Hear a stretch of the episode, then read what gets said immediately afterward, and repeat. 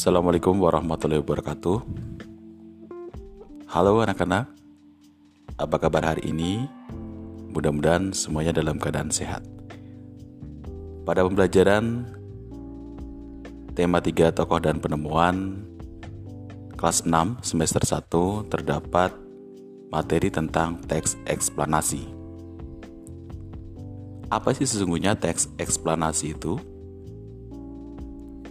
Teks eksplanasi atau teks eksplanasi ilmiah adalah teks eksplanasi yang menerangkan suatu proses yang bersifat ilmu pengetahuan alam, seperti gejala alam, terjadinya pelangi, proses arus listrik, dan sebagainya.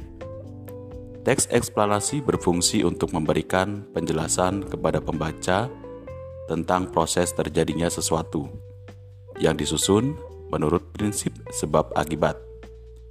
Teks eksplanasi terdiri atas penyer, penyertaan umum, penyertaan umum atau pembukaan, deretan penjelas atau isi, dan penutup atau kesimpulan. Bagian pernyataan umum berisi informasi singkat tentang apa yang akan dibicarakan atau diinformasikan.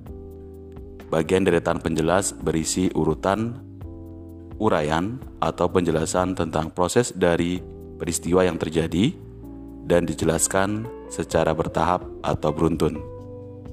Bagian penutup adalah kesimpulan yang berisi interpretasi atau pendapat singkat penulis tentang topik yang dijelaskan. Itu tadi materi tentang teks eksplanasi ilmiah.